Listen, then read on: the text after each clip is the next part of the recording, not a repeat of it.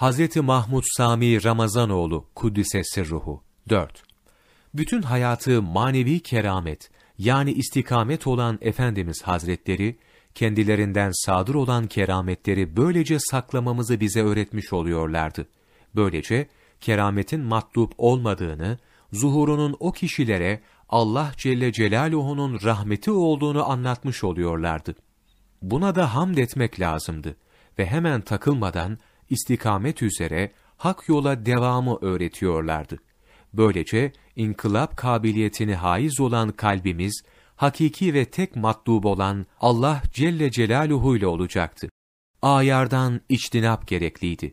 İşte kalbin hallerini anlatırken verdikleri bir misal. Bu kalemun denilen, Türkçe adı bahta bakan kertiş cinsinden kuyruğuyla dala sarılan bir hayvan vardır. Çocukluğumuzda bu boz renkli hayvanı tutar, erkeklerin o zaman kullandığı kırmızı renkli, püsküllü, kalıba konan feslerini onun üzerine koyardık. Kısa bir süre sonra fesi kaldırdığımızda bu kalemunun kıpkırmızı olduğunu görürdük. Biraz açıkta kalınca eski boz rengine avdet ederdi.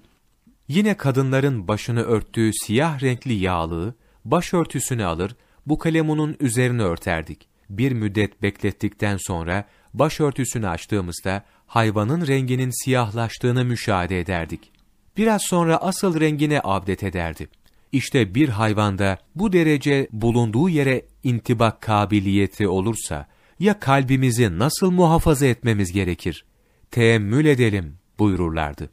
Hadis-i şerifte buyuruldu ki, Cenab-ı Hak sizin kalıbınıza değil, kalplerinize nazar eder.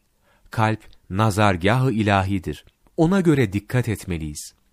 Yine buyuruyorlar, gençliğimde dergahta hal ehli, ehli keşiften Adil Bey bana, Sami evladım, münasebette bulunduğun kişilere çok dikkat et. Sakın kasvetli kimselerle karşı karşıya oturma.